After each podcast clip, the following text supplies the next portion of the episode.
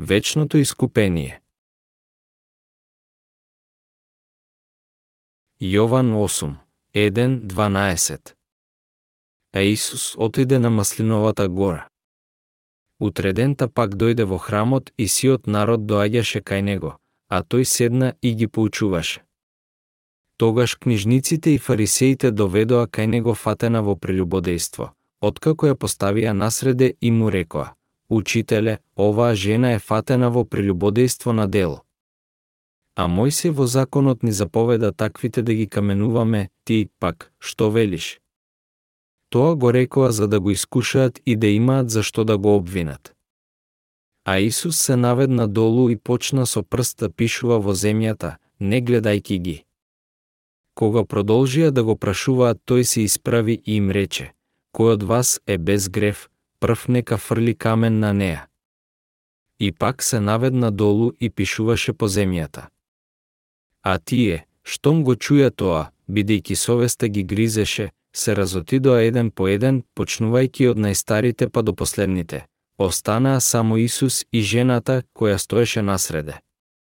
А кога се исправи и не виде никого освен жената, Исус и рече, Жено, каде се оние кои те обвинуваа? Никој ли не те осуди? А таа рече, Никој Господи. Исус и рече, Ниту јас не те осудувам оди си и немој повеќе да грешиш. И пак им рече Исус, велејки, јас сум светлината на светот, кој врви по мене нема да оди во темнина, а ќе ја има светлината на животот. Библија 2009 год. Колку гревови премавна Исус? Сите гревови на светот. Исус ни даде нас вечно искупение.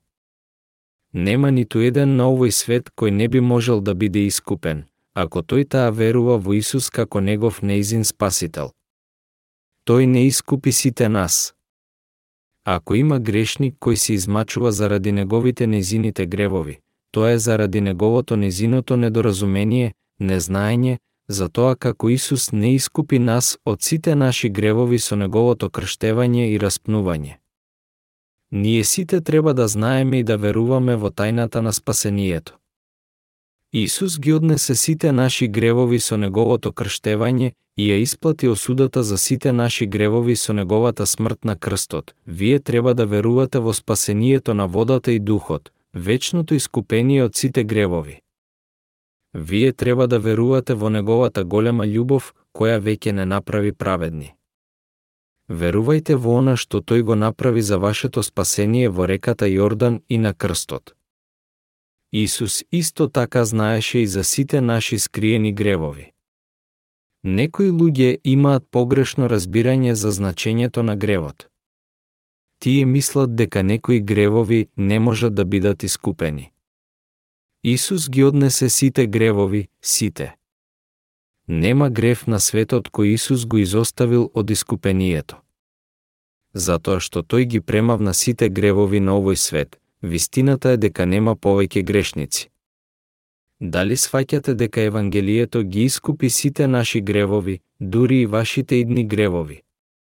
Верувајте во тоа и бидете спасени, и дајте му ја сета слава на Бога. Жената која беше фатена на дело на прелюба. Колку луѓе во светот извршуваат прелюба? Сите луѓе. Во Јован 8 запишана е една приказна за една жена која беше фатена на дело на прелюба и ние можеме да видиме како Исус ја спаси неа. Ние би сакале да ја поделиме благодатта која жената ја прими. Не е премногу да се рече дека сите човечки суштества извршуваат прелюба во некој момент на нивниот живот секоја една особа извршува прелюба. Ако мислите дека не е така, ваквото мислење доаѓа од тоа што тоа толку често го извршуваме така да изгледа како да не го извршуваме. Зошто? Ние живееме со многу прелюба во нашето срце. Погледнете ја жената во Јован 8. Јас размислувам дали има особа измеѓу нас која не извршила прелюба. Нема ниту една особа која не извршила прелюба, исто како што и жената беше фатена на дело на прелюба. Сите ние сме го направиле тоа, но ние се преправаме дека не сме го направиле тоа. Мислите дека сум во грешка? Не, јас не сум во грешка.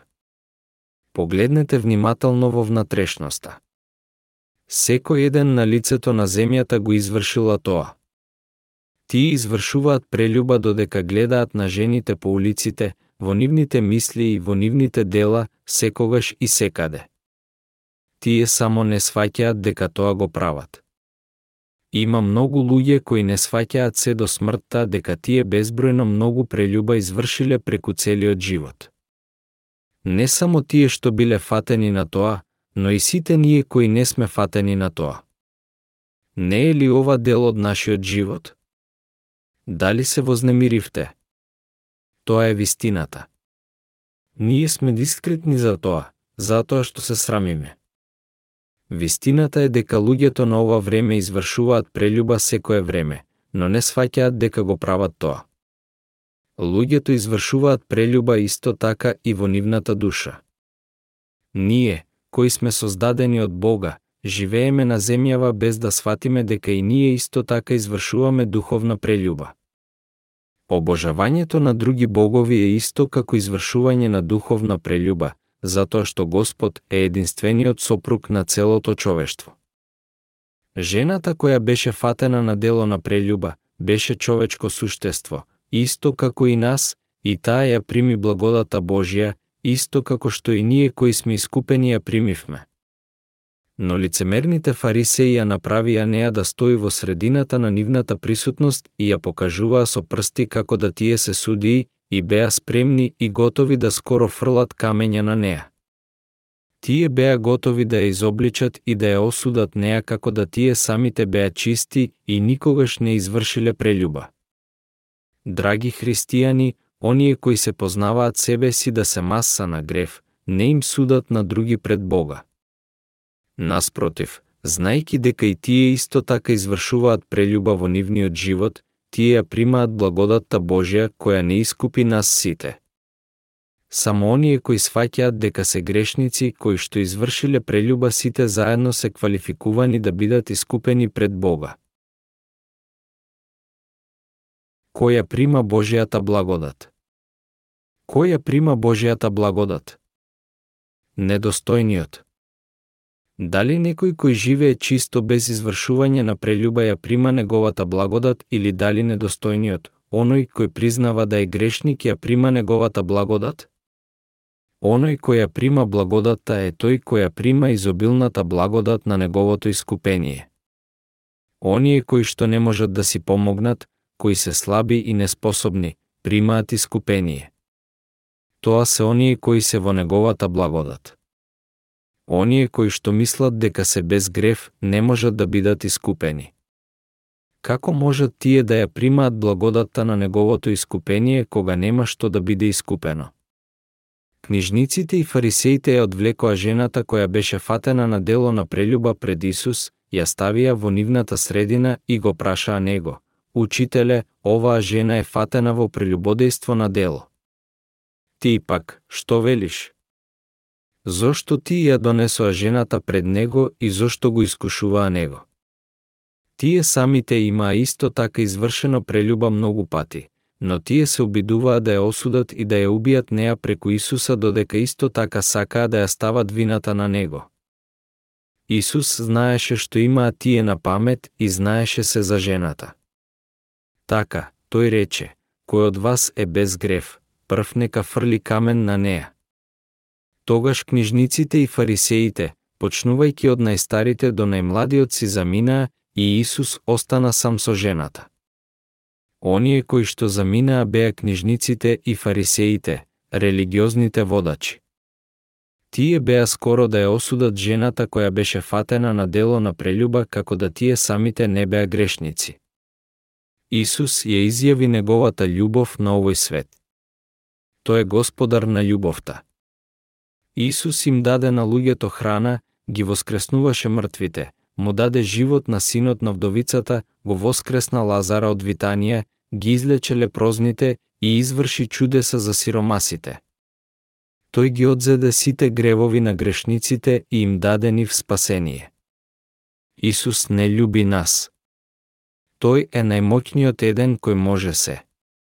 Но фарисеите и книжниците мислеа за него да тој им е непријател. Затоа тие ја донесоа жената пред него и го искушува. Тие прашаа, а мој се во законот ни заповеда таквите да ги каменуваме, ти, пак, што велиш? Тие мислеа дека тој ќе им рече да ја каменуваат. Зошто? Ако бевме да судиме според законот, тогаш секој еден без исклучок кој извршил прелюба треба да биде каменуван до смрт. Сите треба да бидат каменувани до смрт и сите се на пат кон пеколот. Платата што ја дава гревот е смрт. Меѓутоа, Исус не им рече да ја каменуваат. На местото од тоа тој рече, кој од вас е без грев, прв нека фрли камен на неа. Зошто Бог ни ги даде 613 статии на законот? За да не направи нас да сватиме дека сме грешници. Законот донесува гнев. Бог е свет и таков е неговиот закон. Овој свет закон дојде кај нас во 613 члена. Причината зошто Бог ни ги даде нас 613 члена од неговиот закон е да не направи нас да сватиме дека сме грешници и дека сме нецелосни существа. Тој не учи нас дека ние треба да копнееме за Божијата благодат за да бидеме искупени. Ако ние не го знаевме ова и размислувавме за само она што е напишано во законот би требало да сите бидеме каменувани до смрт, а и жената која беше фатена на дело на прелюба требаше исто така да биде каменувана до смрт. Книжниците и фарисеите кои не ја знаеа вистината на неговиот закон може би мислеа дека можат да фрлат камења на жената, а може би и на нас. Но, кој се осмели да фрли камен на оваа безпомошна жена како исто грешно суштество? Иако жената беше фатена на дело на прелюба, ниеден на овој свет не може да фрли камен на неа. Ако жената и секој еден од нас беа судени само според законот, ние исто и жената ќе примевме страшна пресуда. Но Исус не спаси нас, кои сме грешници, од нашите гревови и од праведната осуда. Со сите наши гревови, ако законот Божи е применат стриктно како што е напишано, кој од нас би останал жив, секој еден од нас би завршил во пеколот. Но книжниците и фарисеите го знаеа законот како што беше напишан. Ако неговиот закон беше применувам стриктно, тој би ги убил нив исто како и оние кои беа судени од нив. Всушност, законот Божи му беше даден на луѓето за да тие можат да ги сватат нивните гревови, но тие се измачуваа затоа што тие погрешно го сватија законот и го погрешно применуваа. Фарисеите на денешницава, како и фарисеите во Библијата, го знаат законот само како што е напишан. Тие треба да ја разберат благодатта, правдата и вистината Божја. Ним треба да им биде кажано Евангелието на искупението за да бидат спасени. Фарисеите рекоа, законот ни заповеда таквите да ги каменуваме, ти пак, што велиш? Тие го праша ова со сигурност држејќи ги камењата во своите раце. Тие со сигурност мислеа дека Исус немаше ништо да им рече за тоа. Тие чекаа да Исус се фати на нивната замка. Ако Исус судеше според законот, тие би го каменувале исто така и него, нивната помисла беше да ги каменуваат двајцата, него и жената. Ако Исус им речеше да не ја каменуваат, тогаш тие би рекле дека тој го презира законот Божи и би го каменувале и него за богохулство. Тоа беше страшен заговор. Но Исус се наведна долу и пишуваше по земјата со неговиот прст, а тие продолжија да го прашуваат него, а што велиш ти? Што пишуваш по земјата? Одговори ништо те прашуваме. А што велиш ти? Тие ги насочија своите прсти кон Исус и продолжија да му здодеваат. Тогаш Исус стана и им кажа нив да кој од нив е безгрешен да го фрли првиот камен врз неа. Тогаш тој пак се наведна и продолжи да пишува на земјата. Оние кои го слушнаа тоа, убедени од своите совести, заминаа еден по еден, почнувајќи од најстариот се до последната особа. Исус остана сам, само со жената која стоеше во неговата присутност. Кој од вас е без грев, прв нека фрли камен на неа. Каде се гревовите запишани? На плочата на нашите срца и во книгата на делата. Исус им рече нив, кој од вас е без грев, прв нека фрли камен на неа, и тој продолжи да пишува на земјата. Неколку од старите почнаа да заминуваат. Најстариот фарисеј кој извршил најповеќе гревови може би да си замина прв. Младите исто така и тие заминаа. Ајде да замислиме дека Исус стои измеѓу нас и ние стоиме околу жената. Ако Исус ни речеше нас да кој измеѓу нас е без грев прв да фрли камен врз жената, што би вие направиле? Што пишуваше Исус на земјата? Бог, кој не создаде нас, ги пишува гревовите на две различни места. Прво, тој ги запишува гревовите наши на плочата на нашите срца. Јудиниот грев е запишан со железна писалка, врезан со диамантски врв во плочката на нивното срце и во роговите на нивните жртвеници Еремија 17, 1, Библија 1999 год. Бог ни зборува нам преку Јуда, кој е наш представник. Гревовите на човечките суштества се гравирани со желено пенкало, со врвот на диамант. Тие се запишани на плочата на нашите срца. Исус се наведна долу и почна да пишува на земјата дека сите луѓе се грешници. Бог знае дека ние грешиме и тој ги гравира гревовите на плочата на нашите срца. Прво, тој ги запишува нашите дела, гревовите кои што се извршени, затоа што ние сме слаби пред законот. Сите гревови се запишани во нашите срца. Ние сваќаме дека сме грешници кога ние ќе погледнеме на законот. Откако тој ги запишува гревовите во нашите срца и совести, ние знаеме дека сме грешници пред Него. Исус се наведна долу повтор пат за да пишува на земјата. Писмото исто така вели дека сите наши гревови се запишани во книгите на делата пред Бога, Откровение 20, 12. Името на секој грешник и неговите незините гревови се запишани во книгите, тие се исто така запишани на плочата на срцето на особата. Гревовите се запишани на плочата во секое срце, старо или младо. Тоа е зошто тие не можеа ништо да речат за нивните гревови пред Исус. Оние, кои се обидоа да ја каменуваат жената, беа безпомошни пред неговите зборови. Кога се гревовите кои што се запишани на две места, избришани. Тогаш кога ние ќе го прифатиме искупението на водата и на крвта од Исус во нашите срца. Меѓутоа, кога вие ќе го примите неговото спасение, сите ваши гревови во книгата на делата се избришани и вашето име ќе биде запишано во книгата на животот и мињата на оние кои што се во книгата на животот одат во небесата.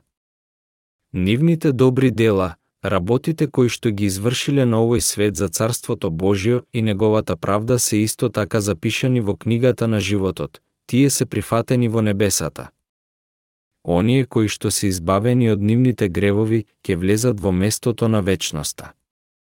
Запаметете дека сите гревови на секоја особа се запишани на две места, така да никој не може да го измами Бога.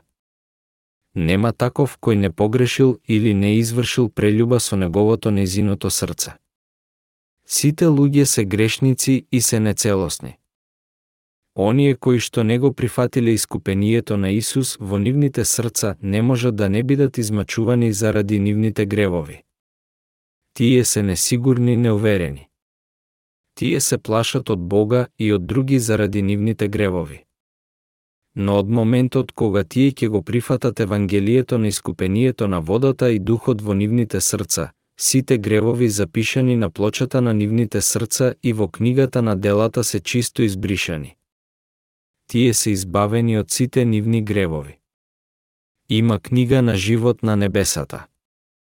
Имињата на оние кои што веруваат во искупението на водата и духот се запишани во книгата, така да тие ќе влезат во небесата.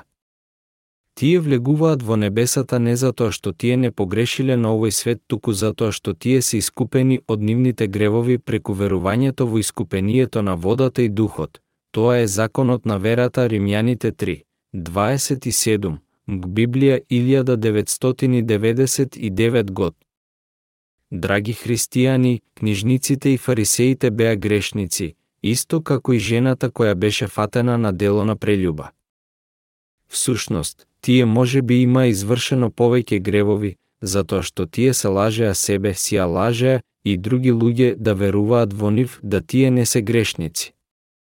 Религиозните водачи беа кратци со формални дозволи. Тие беа кратци на души, со други зборови, кратци на живот. Тие се осмелуваа да учат други авторитативно, дури и покрај тоа што и тие самите се уште не беа искупени.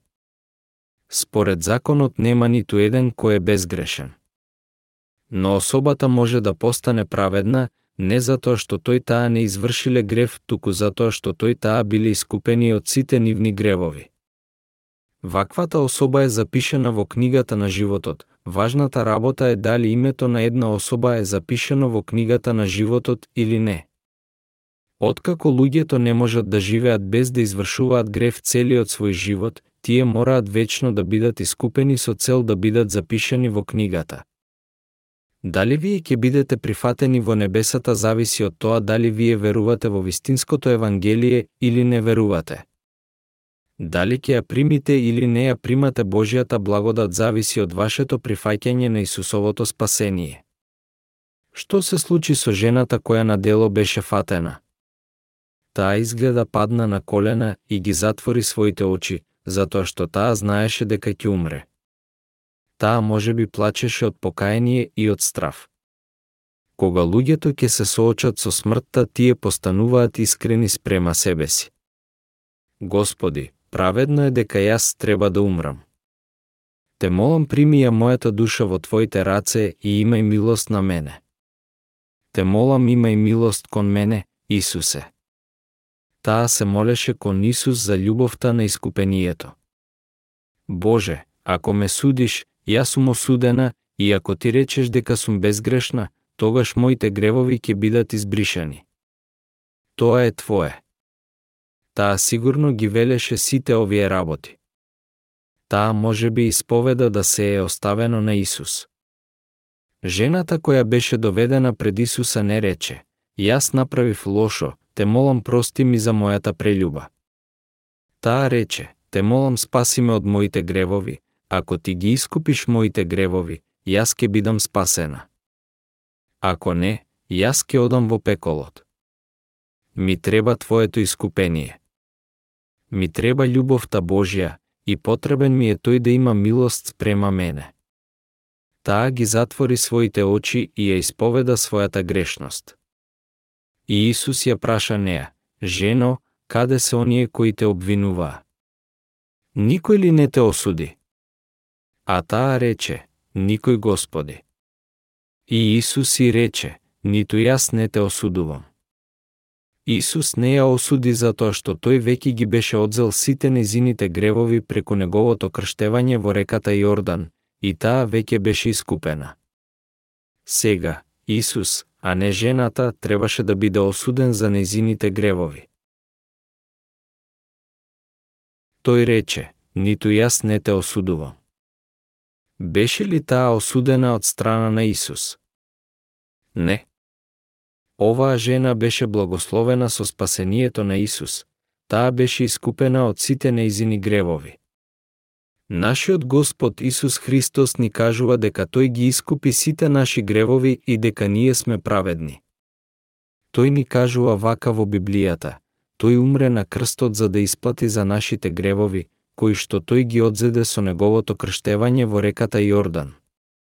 Тој јасно ни кажува нас дека тој не искупи нас, кои што веруваме во искупението на неговото крштевање и осудата на крстот. На секого од нас потребно му е Словото Исусово и секој еден треба да се држи за Словото. Тогаш, ние ќе бидеме благословени со искупение. Боже, јас немам заслуга пред Тебе, јас ништо добро немам во себе. Јас немам друго што да ти покажам освен моите гревови. Но јас верувам дека Исус е мој Господ на искупението. Тој ги одзеде сите мои гревови во реката Јордан и умилостиви за нив на крстот, јас верувам во Тебе Господи. Ова е како вие сте спасени. Исус не не осудува нас. Тој ни го даде нас правото да бидеме чеда Божи, до оние кои што веруваат во искупението на водата и духот, тој ги однесе сите нивни гревови и ги направи нив праведни. Драги пријатели, жената беше искупена. Жената која беше фатена на дело на прелюба беше благословена со искупението на нашиот Господ Исус и ние можеме исто така да бидеме благословени. Секој еден кој знае за незините неговите гревови и го праша Бога да има милост на него неа, и секој кој верува во искупението на водата и духот во Исус го прима благословот на искупението од Бога. Оние кои што ги признаваат своите грешности пред Бога можат да бидат искупени, но оние кои не ги сваќаат нивните гревови не можат да бидат благословени со искупение. Исус ги зеде сите гревови на светот, Јован 1, 29. Секој грешник во светот може да биде искупени, ако тој таа верува во Исус. Исус и рече на жената, ниту јас не те осудувам. Тој рече дека не ја осудува неа, затоа што сите нејзини гревови беа веќе положени на врз него преку неговото крштевање. Тој ги одзеде сите наши гревови на врз себе си, и тој беше осуден за нив на нашето место. Ние треба да бидеме искупени пред Исус. Која е поголема, љубовта Божја или осудата Божја? Љубовта Божја.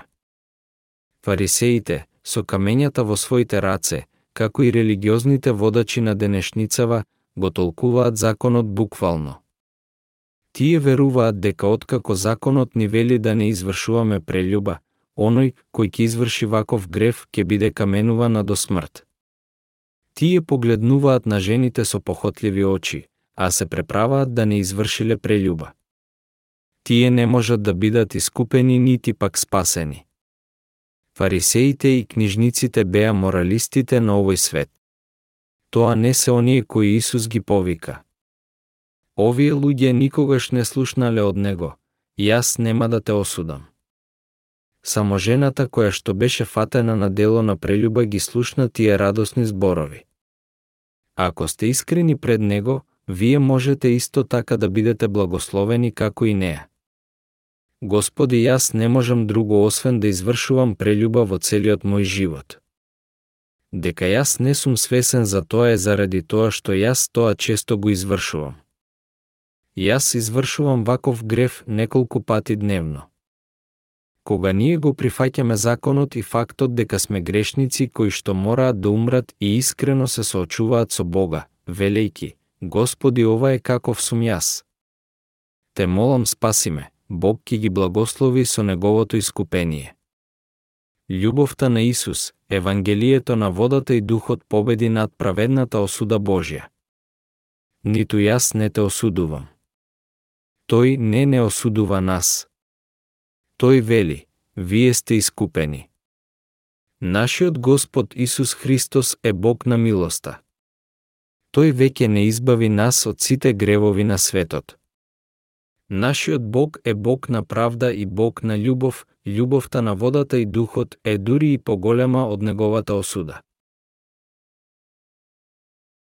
Неговата љубов е поголема од неговото правосудство. Зошто тој не искупи сите нас? Затоа што неговата љубов е поголема од неговото правосудство.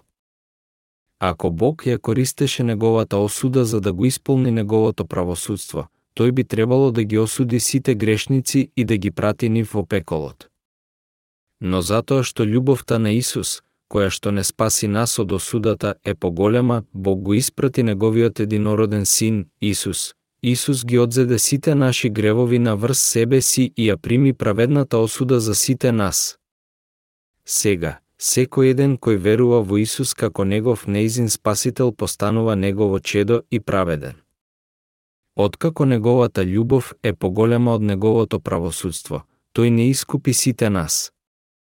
Ние мораме да му благодариме на Бога дека тој не не осудува нас само со неговото правосудство. Откако Исус им кажа на книжниците, фарисеите и нивните ученици, но одете и научете што значи, милост сакам, а не жртва. Зашто не сум дошол да ги повикам праведниците, туку грешниците, на покаяние.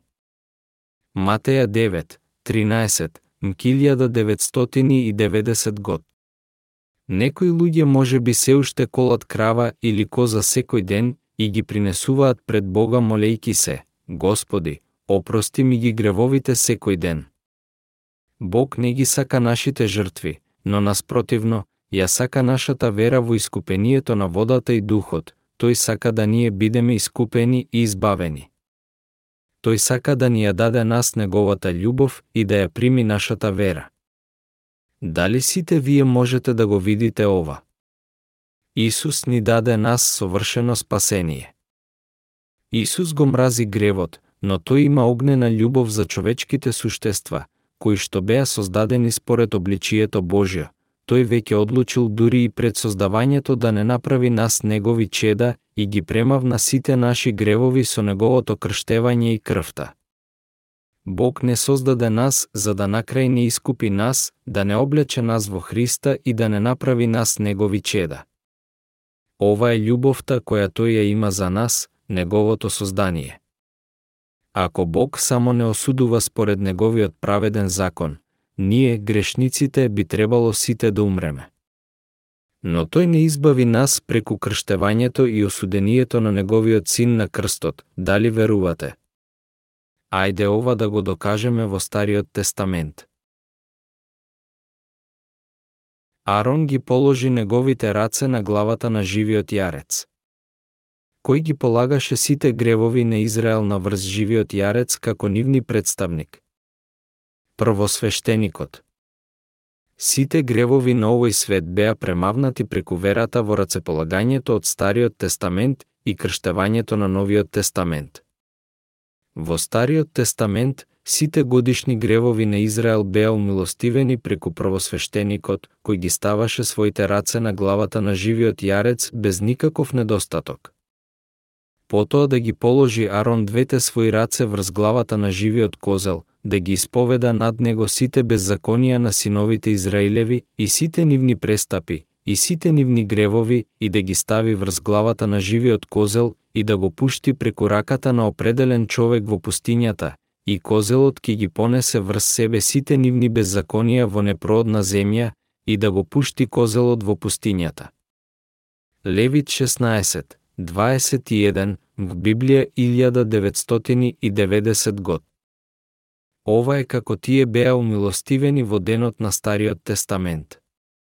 За да биде искупени од секојдневните гревови, грешникот донесуваше јагне или коза без недостаток при шаторот и го жртвува на жртвеникот. Тој ги стави своите раце на главата на жртвата, и тогаш неговите незините гревови беа положени на жртвата. Тогаш, жртвата беше заклана и првосвештеникот ја стави незината крв на роговите на жртвеникот. Жртвеникот имаше рогови на сите четири кјоша. Овие рогови ја означуваат книгите на делата за која е напишано во Откровенија 20, 12. Со останатата крв на жртвата беше исто така и земјата испрскана. Земјата го представува срцето на човекот затоа што човекот беше создаден од прав. На ваков начин умилостивуваа луѓето за нивните секојдневни гревови. Меѓутоа, тие не можеа да принесуваат жртви секој ден, така, Бог им дозволи да извршуваат умилостивение еднаш годишно за сите нивни годишни гревови. Ова беше извршено на десеттиот ден од седмиот месец, денот на големото очистување. На тој ден, првосвештеникот, представникот на сите израелци, доведе два козела и ги положи неговите раце на врз нив, за да ги положи сите гревови од луѓето на врз нив и ги принесе нив пред Бога за да изврши умилостивение за луѓето на Израел.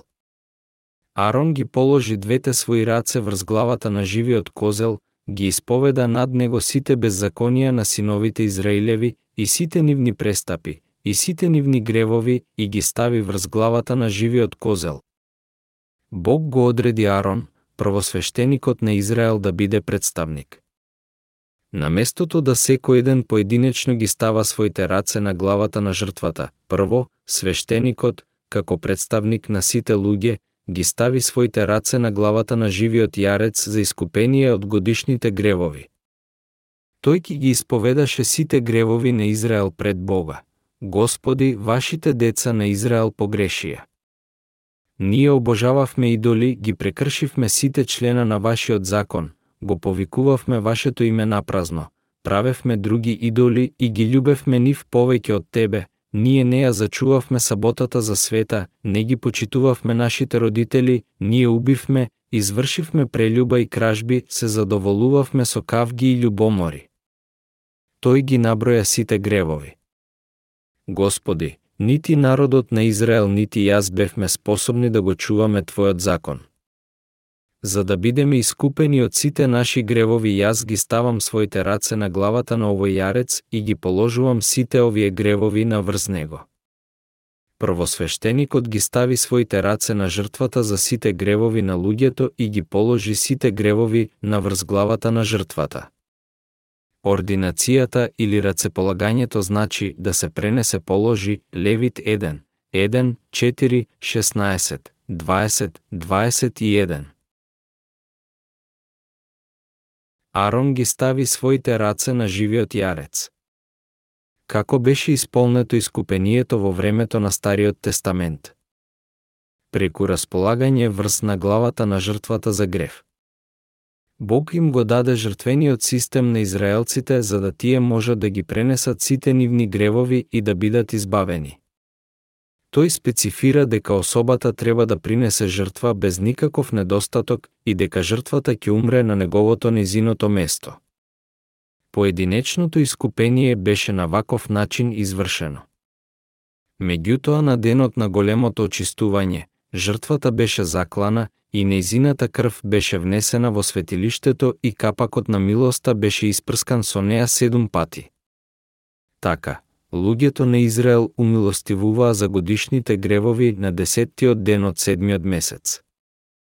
Само првосвештеникот влезе во светилиштето за да ја принесе жртвата, но луѓето се собраа надвор и го слушаа звукот на златните звончиња кои беа наоколу кошулата на ефодот од првосвештеникот. Златните звончиња звонеа седум пати како што крвта беше попрскувана на капакот на милоста. Тогаш луѓето ќе се зарадуваа затоа што сите нивни гревови беа покриени и умилостивени. Звукот на златните звончиња се однесува на радосната вест, Евангелието. Не е вистина дека Исус ги љуби само некои одредени луѓе и дека само нив ги искупува.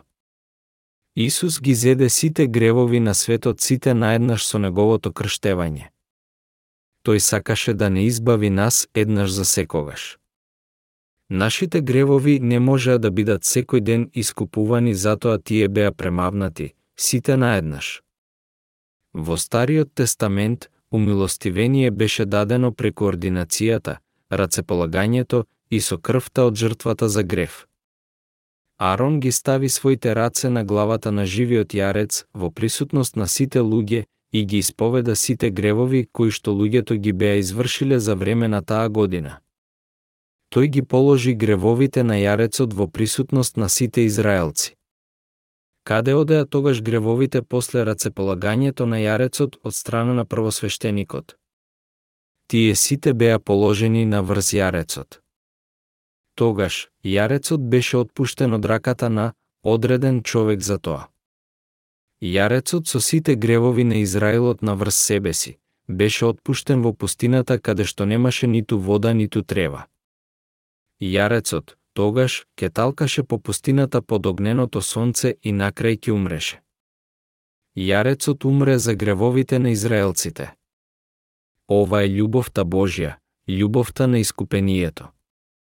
ова е како тие умилостивуваа за годишните гревови во тоа време. Но ние живееме во време на Новиот Тестамент. Поминаа повеќе од 2000 години откако Исус дојде долу на нашиот свет. Тој дојде и го исполна ветувањето кое што тој го направи во Стариот Тестамент. Тој дојде и ги искупи сите наши гревови. За да не искупи сите нас. Кое е значењето на Исус? Спасителот кој ќе го спаси неговиот народ од нивните гревови. Ајде да прочитаме во Матеја 1, 20, 21. Но, штом помисли така, ангел Господов му се јави насон и рече, Јосифе, сине Давидов, не бој се да ја примиш Марија, жената своја, зашто зачнатото во неа е од светиот дух, таа ќе роди син и ќе му ставиш име Исус, зашто он ќе го спаси народот свој од неговите гревови. Матеја 1, 20-21, Библија 1990 год. Нашиот Отец на небесата го позајми телото на девицата Марија за да го испрати својот син на овој свет за да ги очисти сите гревови на светот. Тој испрати ангел кај Марија и рече неа дека таа ќе роди син и ти ќе му ставиш име Исус. Тоа значи дека синот кој доаѓаше преку Марија ќе постане спасителот. Иисус Христос значи оној кој ќе го спаси својот народ, со други зборови спасителот. Тогаш како Исус не спаси сите нас од грев. Начинот на кој Исус ги однесе сите гревови на светот беше преку неговото крштевање кај реката Јордан. Кога Јован Крстителот го крсти него, сите гревови на светот беа положени на врз него, ајде да прочитаме во Матеја 3, 13, 17. Тогаш Исус дојде од Галилеја на Јордан при Јована за да се крсти од него. А Јован го одвраќаше, велејки, јас имам потреба да се крстам од тебе, а ти доаѓаш при мене. А Исус му одговори, позволи го сега тоа, зашто така ни прилега да исполниме сета правда. Тогаш тој му позволи. А кога Исус беше крстен, веднаш излезе од водата. И ете, небесата му се отворија и го виде Духот Божи да слегува како гулоб и да се спушта над него. И ете, глас од небесата говореше. Овој е мојот возлюбен син, во кого ми е милината. Во Библија 1999 год. Исус отиде при Јован Крстителот за да не искупи нас од сите наши гревови. Тој одеше во водата и ја наведна својата глава пред Јован. Јоване, крсти ме сега. Така ни прилега да ја исполниме сета правда. Како што сум дојден да ги одземам сите гревови на светот и да ги избавам сите грешници од нивните гревови, јас треба да ги одземам нивните гревови со крштевање. Крсти ме сега. Позволи го тоа. Така беше соодветно за да се исполни сета правда. Исус беше крстен од Јован Крстителот во реката Јордан и точно на тој момент сета правда Божја која не искупи од сите наши гревови беше исполнета. Ова е како тој ги одзеде сите наши гревови. Сите ваши гревови беа положени исто така на врз Исус. Дали го сваќате ова? Верувајте во искупението на Исусовото крштевање и Духот и бидете спасени. Како беше сета правда исполнета? Преку крштевањето на Исус. Најпрво Бог им вети на израелците дека сите гревови на светот ќе бидат очистени со рацеполагањето на жртвата за грев. Меѓутоа, како што не е можно да секој еден поединечно ги стави своите раце на главата на јарецот, Бог го посвети Арон да биде првосвещеник за да тој може да ја принесе жртвата за сите луѓе. Така, тој ги положи сите нивни годишни гревови на врз главата на жртвата за грев, сите наеднаш. Ова беше негова мудрост и силата на искупението. Бог е мудар и чудесен. Тој го испрати неговиот син Исус да го спаси целиот свет. Така жртвата за грев беше приготвена. Сега, потребен беше представник на целото човештво, еден кој ќе ги стави своите раце на главата на Исус и ќе ги положи сите гревови на светот на врз него. Тој представник беше Јован Крстителот. Напишано е во Библијата дека Бог го испрати представникот на целото човештво пред Исус. Јован Крстителот беше последниот првосвещеник на човештвото. Како што е напишано во Матеја 11, 11, меѓу родените од жени не се подигнал поголем од Јована Крстител, Мг Библија 1999 год. Тој е единствениот представник на луѓето. Тој го испрати Јован како представник на сите човечки суштества, за да тој може да го крсти Исус и да ги положи на врз него сите гревови на светот. Ако 6 билиарди луѓе на земјава би отишле кај Исус и секој еден од нив требаше да ги стави своите раце на Исус за да ги положи своите гревови на врз него, што ли ќе се случеше со неговата глава? Ако повеќе од 6 билиони луѓе на овој свет требаше да ги стават своите раце на него, тоа немаше да биде добра гледка. Некои возбудени луѓе може би би притискале толку цврсто така да целата негова коса би отпаднала. Така, Бог, во неговата мудрост, го одреди Јован да биде представникот и ги положи сите гревови на светот на врз Исус еднаш за секогаш. Запишано е во Матеј 3, 13, Исус дојде од Галилеја до Јордан при Јована за да се крсти од него. Во Библија 1999 год. Ова беше кога Исус беше на 30 годишна возраст. Исус беше обрежан 8 дена после неговото раѓење и малку е напишано за него се до неговата 30 година. Причината зошто Исус мораше да чека се додека не наполни 30 години беше за да постане законски небесен првосвещеник, според Стариот Тестамент. Во Второзаконие, Бог му рече на Мојсей дека првосвещеникот мора да има најмалку 30 години пред да може да го служи високо свештенството. Исус беше небесниот високо свештеник, дали верувате во ова? Во Новиот Тестамент, во Матеја 3, 13-14 вели, тогаш Исус дојде од Галилеја до Јордан при Јована, за да се крсти од него. А Јован го одвраќаше, велејки, јас имам потреба да се крстам од тебе. Во Библија 1999 год. Кој е представникот на човештвото? Јован Крстителот, тогаш, кој е представникот на небесата? Исус Христос е представниците се сретна. Тогаш кој е повисок? Нормално да представникот на небесата е повисок. Така Јован Крстителот, кој беше толку смел и им викаше на религиозните водачи на тие денови, породи змиски. Покајте се, одеднаш стана понизен пред Исуса. Јас имам потреба да се крстам од тебе, а ти доаѓаш при мене, На овој момент Исус рече, позволи го сега тоа зошто така ни прилега да ја исполниме сета правда. Исус дојде на овој свет за да ја исполни правдата Божја, и таа беше исполнета кога Јован Крстителот го крсти него. Тогаш тој му позволи.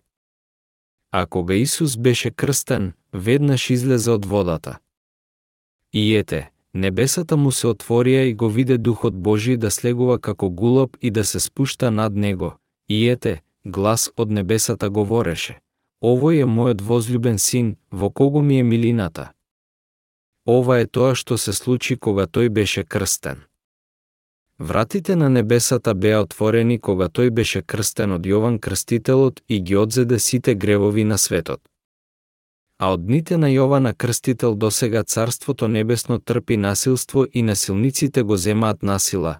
Матеја 11, 12, Библија 1999 год. Зашто сите пророци и законот Божи пророкуваа до Јована. А од дните на Јована Крстител досега Царството Небесно трпи насилство и насилниците го земаат насила, секој еден без исклучок кој верува во неговото крштевање може да влезе во Царството Небеско. Ниту јас не те осудувам. Зошто беше Исус осуден на крстот? Затоа што тој ги одзеде сите наши гревови. Исус беше крстен од Јован Крстителот и ги одзеде гревовите на светот. Покасно, тој и рече на жената која беше фатена на дело на прелюба, ниту јас не те осудувам. Тој не ја осуди жената затоа што тој ги одзеде сите гревови на светот врз себе кај реката Јордан и не жената, но тој требаше да биде осуден за тие гревови. Исус ги премавна сите гревови на светот. Ние можеме да видиме колку уплашен тој беше од болките кои што тој требаше да ги претрпи на крстот поради што смртта е плата за грев. Тој му се молеше на Бога три пати на планината Маслинова, да Бог го одземе ова осудение од него. Исус беше од месо и крв, исто како и друго човечко суштество, така да разбирливо е дека него му беше страф од болките. Исус требаше да искрвави за да го исполни осудението. Исто како и жртвата за грев во Стариот Тестамент требаше да искрвари за да исплати за гревовите, тој требаше да биде жртвуван на крстот. Тој ги беше веќе одзел гревовите на светот и сега тој требаше да го даде својот живот за нашето искупение. Тој знаеше дека тој требаше да биде осуден пред Бога. Исус немаше ниту еден грев во неговото срце, но откако сите гревови на светот беа положени на врз него преку неговото крштевање, Бог требаше сега да го осуди својот собствен син, така на прво место правосудството Божио беше исполнето и второ, тој ја излеа неговата љубов врз нас за наше спасение. Заради тоа, Исус требаше да биде осуден на крстот, ни јас не те осудувам, нити ти судам. Сите гревови, намерни или ненамерни, познати или непознати, требаше да бидат осудени од Бога. Меѓутоа Бог не не осуди нас.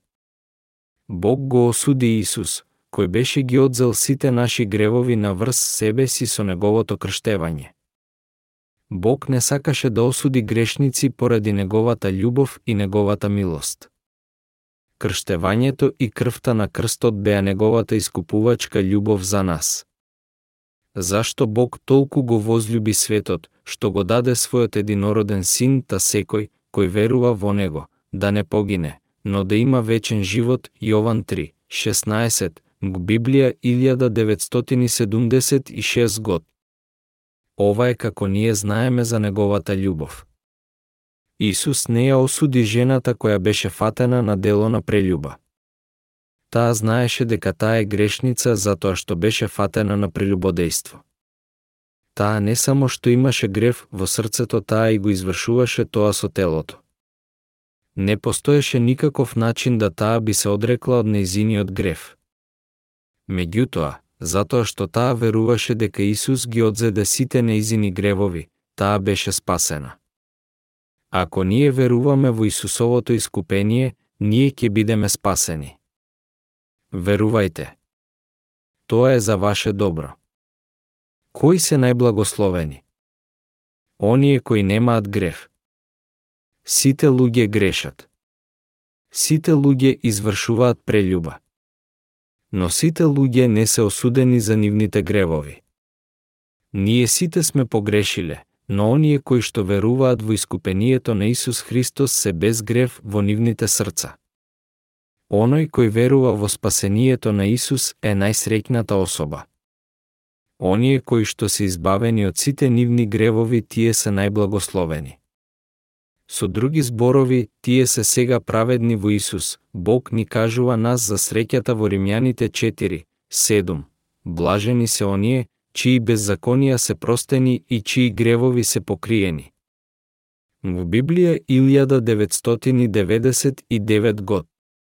Ние грешиме се до времето кога ќе умреме ние сме нечесни и нецелосни пред Бога. Ние продолжуваме да грешиме и дури и откако ќе знаеме за неговиот закон. Ние сме толку слаби. Но Бог не избави нас со крштевањето и крвта на неговиот единороден син и ни кажува нас, тебе и мене, дека ние не сме повеќе грешници и дека ние сме сега праведни пред него, тој ни кажува дека ние сме негови чеда. Евангелието на водата и духот е Евангелието на вечното искупение. Дали верувате? До оние кои што веруваат, тој ги вика нив праведни, искупени и негови чеда. Која е најсреќната особа на овој свет? Оној кој верува и кој е избавен преку верувањето во вистинското евангелие. Дали сте вие избавени? Дали Исус го изостави од земањето на вашите гревови? Не, тој ги одзеде сите наши гревови со неговото крштевање. Верувајте. Верувајте и бидете искупени од вашите гревови. Ајде да прочитаме во Јован 1, 29. Исто како што се мети со метла. Колку ли гревови Исус однесе? Сите гревови на светот. На другиот ден го виде Јован Исуса како доаѓа при него и рече: Еве го јагнето Божјо, кој ги зеде гревовите на светот врз себе. Јован 1, 29, в Библија 1990 год. Еве го јагнето Божјо, кој ги зеде гревовите на светот врз себе. Јован Крстителот ги положи сите гревови на светот на врз Исус кај Јордан. На другиот ден, тој сведочеше дека Исус беше Божиото јагне кој ги зеде сите гревови на светот. Тој ги зеде врз своите рамена сите гревови на светот. Сите гревови на светот се однесува на сите гревови извршени од човечките суштества на овој свет, од создавањето до неговиот крај. Пред околу 2000 години, Исус ги зеде сите наши гревови и беше осуден за нас. Секој грев кој што ние човечките суштества ќе го извршиме беше положен на врз Исус. Тој постана Божиото јагне кој ги зеде гревовите на светот. Исус дојде на овој свет како понизен човек, како оној кој ќе ги спаси сите грешници на светот. Ние извршуваме грев затоа што ние сме слаби, злобни, тврдоглави и затоа што сме глупи и нецелосни. Со други зборови, ние грешиме затоа што ние наследивме грев од заедничкиот ни предок, Адам. Сите овие гревови беа изметени и положени на главата на Исус преку неговото крштевање кај Јордан. Тој го заврши тоа со смртта на неговото тело на крстот. Тој беше погребан, но Бог го воскресна него од смртта на третиот ден. Како спасителот на сите грешници, победникот, како судија, тој сега седи на десната рака на Бога. Тој не треба нас повторно и повторно да не искупува. Се што ние треба да правиме е да веруваме во Него за да бидеме спасени. Вечен живот ги очекува оние кои што веруваат, а уништување ги очекува оние кои што не веруваат. Не постои друг избор. Исус не избави сите нас, Вие сте најсреќните луѓе на светот. Вие сигурно ќе извршите гревови и воиднина поради вашата слабост, но тој ги одзеде исто така и тие гревови. Дали има останато некаков грев во вашето срце? Нема, дали Исус ги одзеде сите нив? Да. Тој ги одзеде, сите луѓе се исти.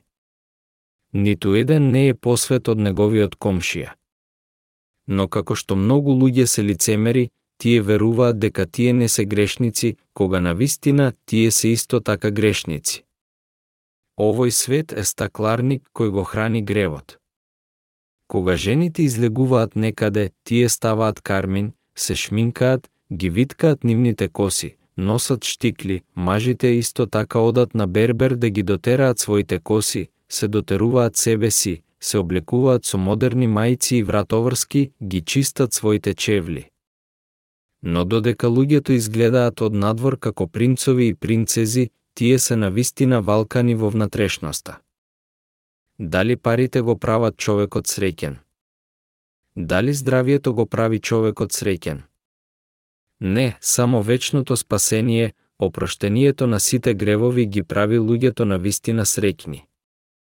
Без разлика колку среќен човек изгледа надворешно, таа особа се чувствува мизерно ако има грев во неговото низиното срце. Ваквата особа живее во страв од осудение. Искупената особа е смела како лав, дури и во партали. Нема никаков грев во неговото незиното срце. Ти благодарам Господи, ти спаси грешник како мене. Ти ги премавна сите мои гревови. Јас знам дека јас не сум достоен да ја примам Твојата љубов, но јас те величам за тоа што ме спаси. Јас сум вечно избавен од сите мои гревови. Слава на Бога! Човекот кој е искупен на вистина е среќен. Човекот кој е благословен со неговата благодат на искупението е на вистина среќен. Затоа што Исус, Божиото јагне кој ги зеде гревовите на светот врз себе, ги однесе сите наши гревови, ние сме без грев. Тој го сврши спасението за нас на крстот, сите наши гревови, вклучувајќи ги твоите и моите, се вклучени во гревовите на светот и заради тоа ние сите сме спасени. Преку Божијата волја. Дали имаме грев во нашите срца кога сме во Исус Христос? Не, немаме. Драги пријатели, жената која беше фатена на дело на прелюба веруваше во зборовите на Исус и таа беше спасена. Незината приказна е запишена во Библијата затоа што таа беше благословена со неговото вечно искупение. Додека лицемерните фарисеи и книжници избегаа од Исуса. Ако верувате во Исус, небесата ве очекува, но ако го напуштите Исус, вие ќе одите во пеколот. Ако верувате во неговите праведни дела, тоа е како небесата, но ако не верувате во неговите дела, тоа е како пекол. Искупението не зависи од добродетелите на секоја личност, но од спасението на Исус.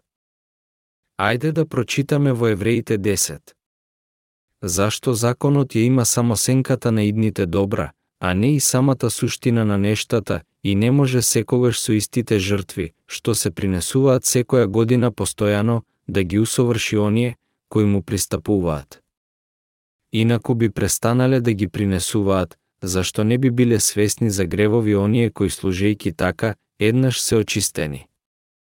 Но тие секоја година напомнуваат на гревовите зашто крвта на биковите и јарците не може да ги отстрани гревовите. Затоа, влегувајки во светот вели, жртви и приноси ти не посака, но ми приготви тело. Спалениците и жртвите за грев не ти беа угодни. Тогаш реков, еве, доаѓам, во книжен свиток за мене е напишано, да ја исполнам Твојата волја, о Боже, така го отстранува првото, за да го воспостави второто. Според таа волја осветени сме преку приносот на телото на Исуса Христа еднаш за секогаш. Евреите 10, 1-10, Библија 1999 год. Според Божијата волја, Исус го жртвува својот живот за да ги земе сите наши гревови еднаш за секогаш и беше осуден еднаш за секогаш и воскресна. Заради тоа ние сме осветени. Сме осветени Евреите 10, 10, Библија 1999 год, напишено е во сегашно свршено време. Тоа значи дека нашето искупение беше апсолутно извршено и не треба да биде повторно спомнато. Вие сте осветени. И секој свештеник стои секој ден, служејки и принесувајки многупати едни и исти жртви, кои што некогаш не можат да ги отстранат гревовите, а тој, принесувајки само една жртва за гревовите, за секогаш седна одесно на Бога, и од тогаш чека понатаму додека непријателите негови не бидат положени како подножието за нозете негови, зашто преку едно принесување тој осветените ги направи за секогаш совршени. Евреите 10, 11, 14, Библија 2009 год. Вие сите сте осветени за секогаш. Ако вие извршите грев утре, дали вие повторно ќе постанете грешник? Нели Исус ги одзеде и тие гревови исто така? Да, тој ги одзеде. Тој ги исто така одзеде и гревовите на иднината. А и Светиот Дух ни сведочи за тоа, откако рече, ова е заветот, кој ќе го склучам со нив по оние денови, вели Господ, ќе ги положам своите закони на нивните срца и ќе ги напишам на нивниот ум, и за нивните гревови и за нивните беззаконија нема веќе да си спомнувам. А каде има проштавање за нив, таму нема веќе приноси за грев. Евреите 10, 15, 18, Библија 1999 год. Стихот каде е напишано има проштевање за нив, значи дека тој ги премавна сите гревови на светот. Исус е наш спасител, двете мој спасител и твој спасител. Верувањето во Исус не спаси нас. Ова е искупението на Исус и најголемата благодат и дар Божи. Вие и јас, кои сме искупени од сите гревови, сме најблагословени од сите.